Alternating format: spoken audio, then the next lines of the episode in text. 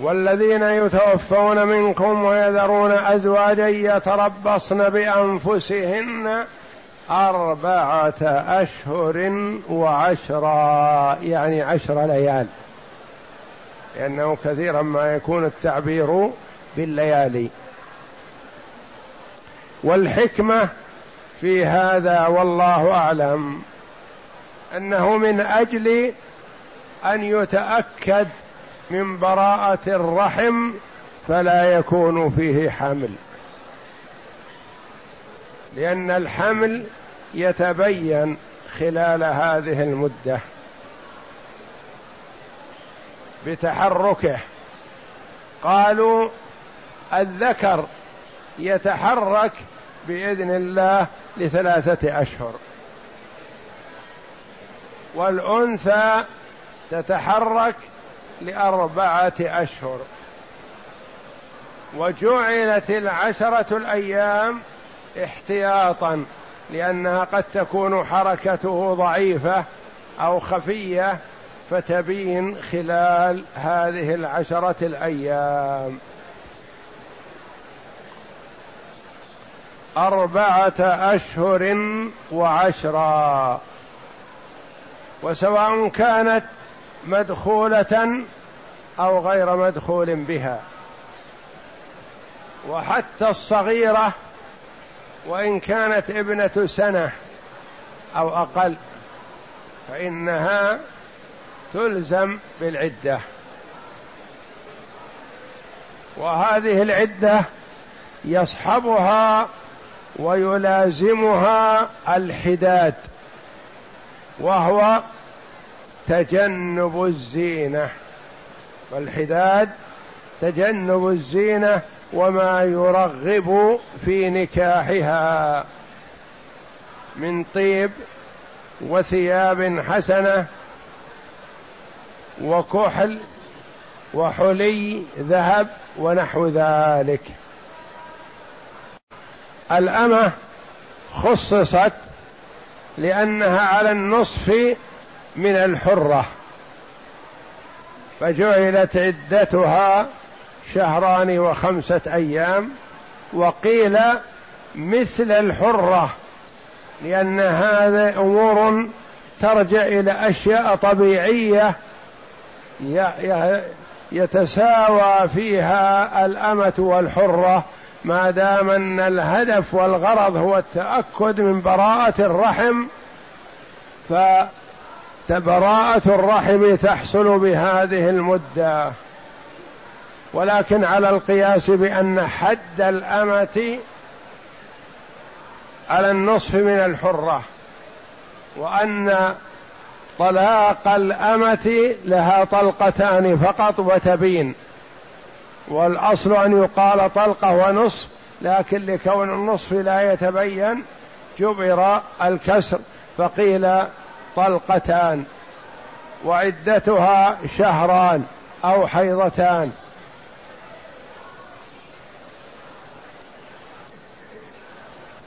فإذا بلغن أجلهن يعني بلغت العدة وتمت فلا جناح عليكم أيها الأولياء.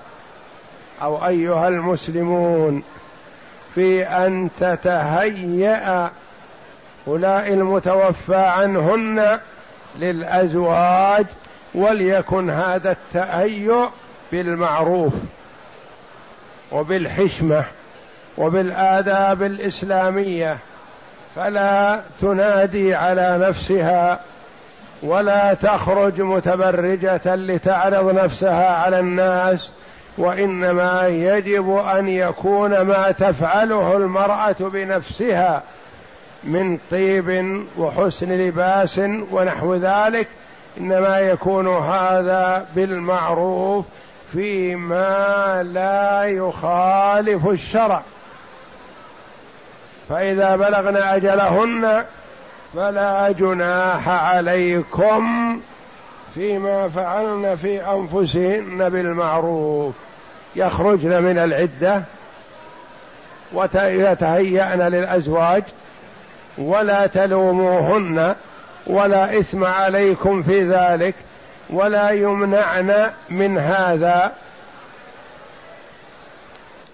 والله بما تعملون خبير. موعظة من الله جل وعلا للعباد قاطبة. فيها ترغيب وترهيب رجاء وتخويف. اعمل الصالحات وأضمر الخير وثق بأن الله جل وعلا مطلع عليك يثيبك على ذلك. إذا عملت خلاف ذلك فاعلم أن الله مطلع عليك ويعلم ذلك منك ولا تخفى عليه خافية.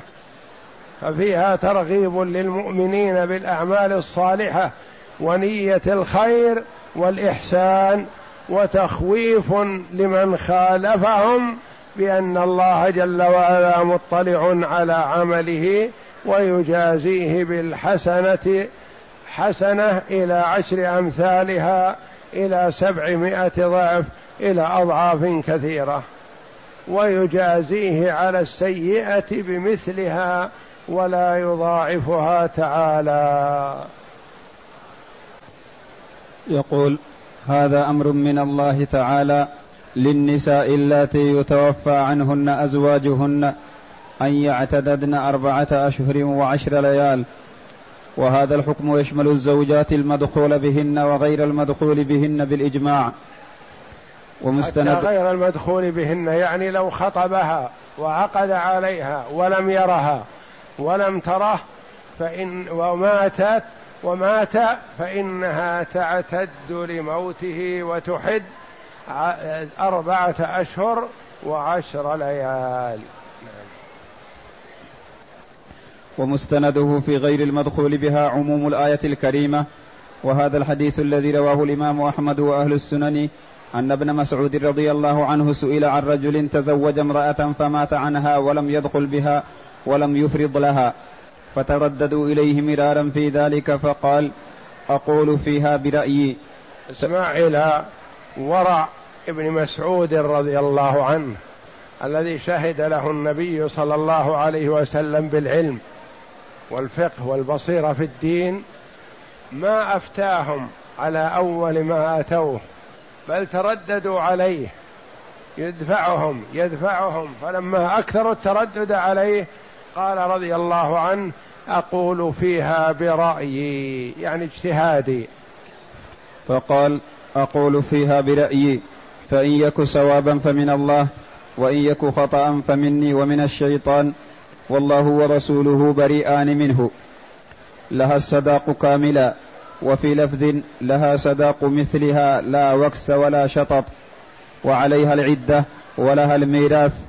انظر لها الصداق كامل. لا وكس ولا شطط لا زيادة ولا نقص. أو مثل ما يدفع لمثيلتها إذا كان عقد عليها ولم يسمي صداقا. أما إذا كان الصداق مسمى فهو المسمى. وعليها العدة لأنها متوفى عنها. ولها الميراث. من زوجها وإن لم تره ولم يرها. يعني عقد عليها ومات. عليها العدة. تعتد لأنها متوفى عنها. ولها صداق مثلها. بنات عمها وبنات أخوالها وأخواتها وبنات أخوات إخوانها لا زيادة ولا نقص. خلف ألف ريال. سألنا عن الصداق كم؟ قالوا صداق مثلها ثمانمائة ريال. تعطى ثمانمائة ريال. يبقى مئتين تشترك هي والورثة فيها ترث ما تستحقه إن كان مع غيرها شاركته في الربع أو الثمن وإلا فيكون لها الربع أو الثمن حسب الحال وحدها وإن لم تر زوجها ولم يرها. نعم. أقول فيها. أقول فيها برأيي. فإن يك صوابا فمن الله وإن يك خطأ فمني ومن الشيطان. والله ورسوله بريئان منه. يعني ما أقول لكم هذا القول أن هذا حكم الله ولا أقول إنه أنقله عن الرسول صلى الله عليه وسلم لأنه هو من المكثرين من حديث رسول الله صلى الله عليه وسلم ورضي الله عنه. يقول هذا ما سمعت من الرسول عليه الصلاة والسلام. هذا رأيي. نعم. فقام معكل بن يسار الأشجعي فقال سمعت رسول الله صلى الله عليه وسلم قضى به في بروع بنت واشق. ففرح نعم. ففرح عبد الله بذلك فرحا شديدا. لما اجتهد رأيه رضي الله عنه وأعلم السائلين ذلك علم بذلك معقل ابن يسار. رضي الله عنه الصحابي فقال سمعت رسول الله صلى الله عليه وسلم حكم بذلك وقال بذلك في بروع بنت واشق. يعني امرأة توفي عنها زوجها ولم يسمى لها صداق ولم يدخل بها فأعطاها النبي صلى الله عليه وسلم مثل ما قلت يا عبد الله بن مسعود. ففرح عبد الله رضي الله عنه بذلك لما؟ لأن اجتهاده وافق اجتهاد النبي صلى الله عليه وافق حكم النبي صلى الله عليه وسلم. نعم. ولا يخرج من ذلك إلا المتوفى عنها زوجها وهي حامل فإن عدتها بوضع الحمل. المتوفى عنها وهي حامل. عدتها بوضع الحمل سواء كانت أقل من أربعة أشهر وعشر ليال أو أكثر. قد تكون أربع سنين لأن أكثر مدة الحمل أربع سنين. وقد تكون ربع ساعة أو أقل من هذا بعدما أخبرت بوفاة زوجها حجبها الطلق فولدت بعد وفاته بدقائق فإنها تخرج من العدة بهذا. ولهذا هذه من المسائل التي يعايى بها فيقال إن المرأة قد تكون في اليوم الواحد في عصمة عدد من الأشخاص. في اليوم الواحد. تكون حامل في عصمة زوجها. فلما مات وبعد موته بربع ساعة ولدت. خرجت من العدة. تخرج من العدة بهذا. ثم يأتيها الخاطب قبل أن يجهز زوجها وقبل أن يصلى عليه. فتوافق على هذا ويتم العقد لها. ثم يطلقها. بعد هذا بقليل يطلقها قبل أن يخلو بها. فتبين من زوجها الثاني. فيخطبها الزوج الثالث. فإن دخل بها بقيت معه حتى تعتد وإن طلقها بعد ساعة أو ساعتين ممكن أن تتزوج ثالث ورابع وهكذا بهذا الشكل. لأنها إذا ولدت خرجت من العدة. ثم إذا عقد عليها الرجل الآخر وطلقها قبل الدخول فإنه لا عدة عليها حينئذ. وهكذا. نعم. ولا يخرج من ذلك إلا المتوفى عنها زوجها وهي حامل. فإن عدتها بوضع الحمل ولو لم تمكث بعده سوى لحظة لعموم قوله وأولاة الأحمال أجلهن أن يضعن حملهن. وأولاة الأحمال يعني سواء كانت مطلقة أو متوفى عنها أو مخالعة فإن عدتها بوضع الحمل ولو قلت المدة. هذا قول الجمهور. ويرى بعض العلماء ومنهم بعض الصحابة رضي الله عنهم أنها تعتد بأطول الأجلين من وضع الحمل أو مضي أربعة أشهر وعشرا. فيقول إذا طل إذا مات عنها زوجها ثم ولدت بعد هذا بأيام فإنها تخرج من العدة. الآخرون يقولون لا لا تخرج من العدة حتى تكمل أربعة أشهر وعشرة أيام. فإن طلقت يوم حملها مات عنها زوجها يوم حملها مثلا. فتمت أربعة أشهر وعشرة أيام والحمل في بطنها فهذا قطعا بالإجماع لا تتزوج حتى تضع الحمل. فالحامل بالإجماع عدتها وضع الحمل. إلا إن وضعت الحمل دون أربعة أشهر وعشرة أيام فيرى بعض العلماء ومنهم بعض الصحابة أن عدتها أنها تعتد أطول الأجلين أربعة أشهر وعشرا كما سيأتي. نعم. وكان ابن عباس رضي الله عنهما يرى أن عليها أن تتربص بأبعد الأجلين من الوضع أو أربعة أشهر وعشر للجمع بين الآيتين. الأطول من الأجلين وضع الحمل أو أربعة أشهر وعشرة أيام. هذا رأي ابن عباس رضي الله عنهما وبعض الصحابة معه وبعض العلماء من بعدهم. نعم. وهذا مأخذ جيد ومسلك قوي لولا ما ثبتت به السنة في حديث سبيعة الأسلمية رضي الله عنها المخرج في الصحيحين من غير وجه أنها سبيعة رضي الله عنها توفي عنها زوجها. أيام من وفاته ولدت. فلما تعالت من نفاسها يعني خرجت من النفاس تجملت وتهيأت.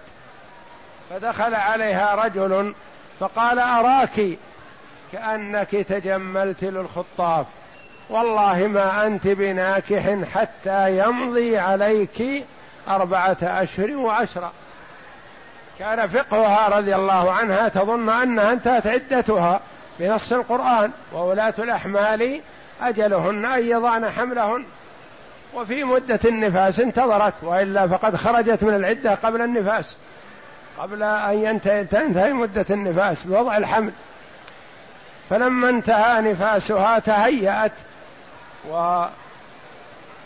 وتجملت فدخل عليها أحد أقربائها فقال أراك تهيأت للخطاب. والله ما أنت بناكح حتى يمضي عليك أربعة أشهر وعشرة. تقول رضي الله عنها فجمع فلما أمسيت جمعت علي ثيابي. غيرت ثيابها التي تجملت بها ولبست الثياب القديمة. ثم ذهبت إلى النبي صلى الله عليه وسلم تسأله. فما تريد أن تأخذ من زيد أو عمرو والرسول صلى الله عليه وسلم موجود ذهبت إليه فسألته فقال لها إنك خرجت من العدة فتزوجي متى شئت. عليه الصلاة والسلام. نعم. لولا ما ثبتت به السنة من حديث سبيعة الأسلمية المخرج في الصحيحين من غير وجه. أنها توفي عنها زوجها سعد بن خولة رضي الله عنه وهي حامل فلم تنشب أن وضعت حملها بعد وفاته.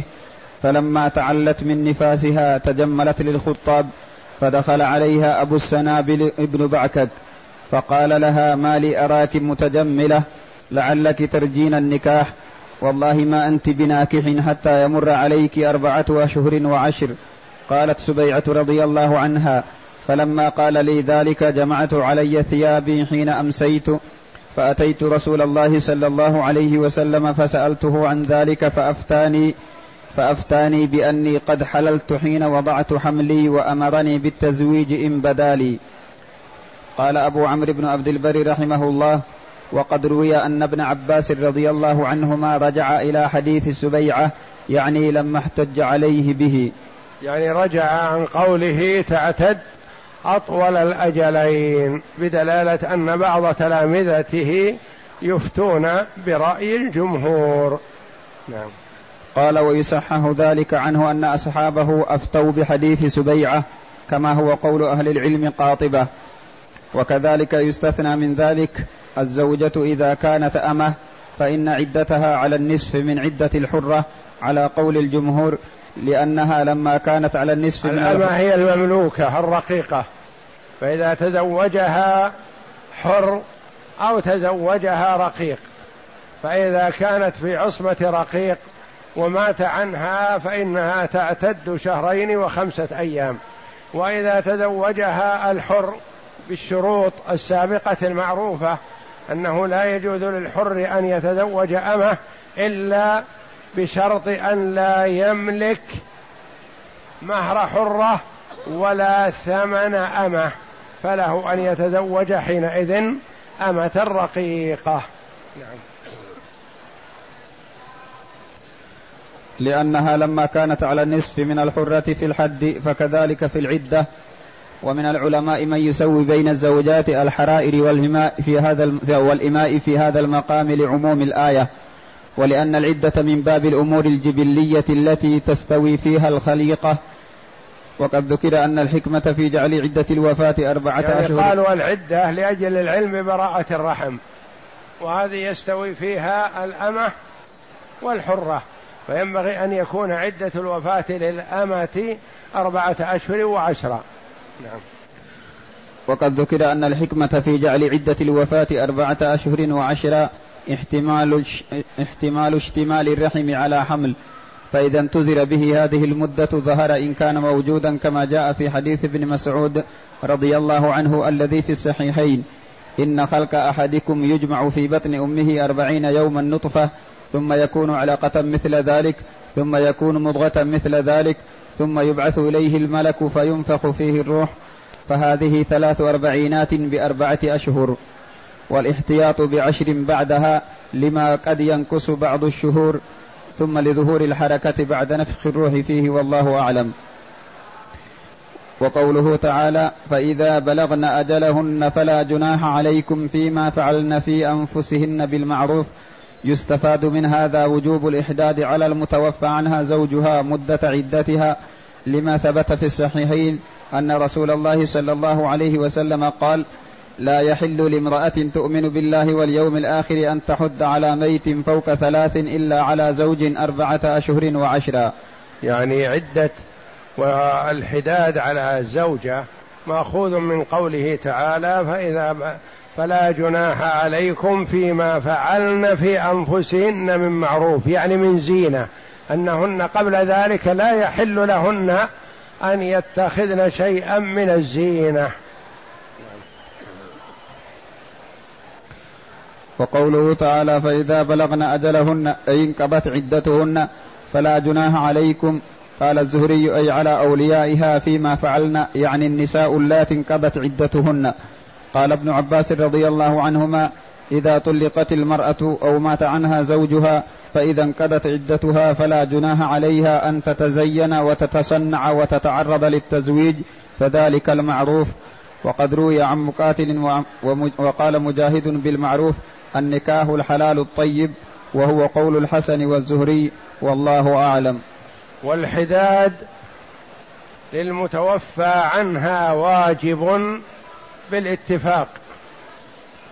والحداد للمطلقة طلاقا رجعيا غير جائز بالاتفاق. والخلاف بين العلماء رحمهم الله في المطلقة طلاقا بائنا هل لها الحداد؟ يجب عليها الحداد خلال العدة أو لا يجب؟ قولان للعلماء رحمهم الله.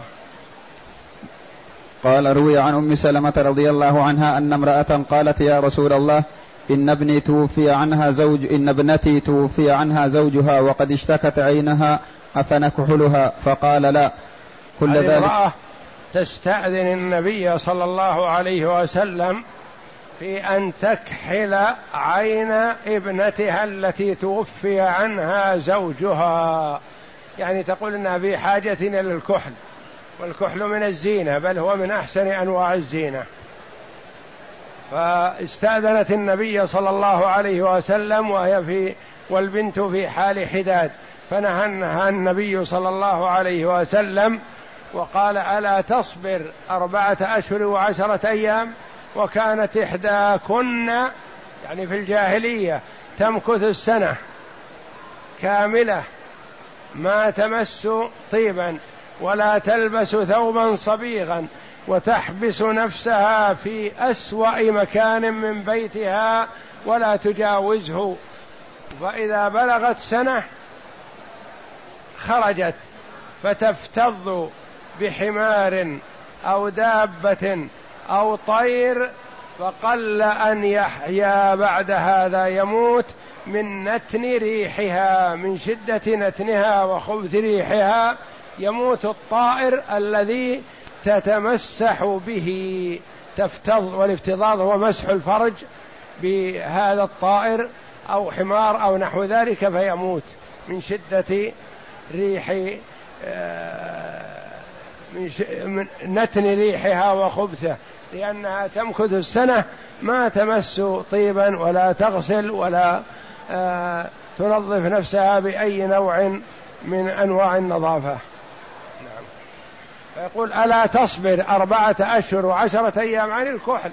وقد كانت المرأة في الجاهلية تصبر السنة. نعم. يقول ومنها هنا ذهب كثيرون من العلماء إلى أن هذه الآية ناسخة للآية التي بعدها وهي قوله والذين يتوفون منكم ويذرون أزواجا وصية لأزواجهم متاعا إلى الحيل إلى الحول غير إخراج كما قال ابن عباس.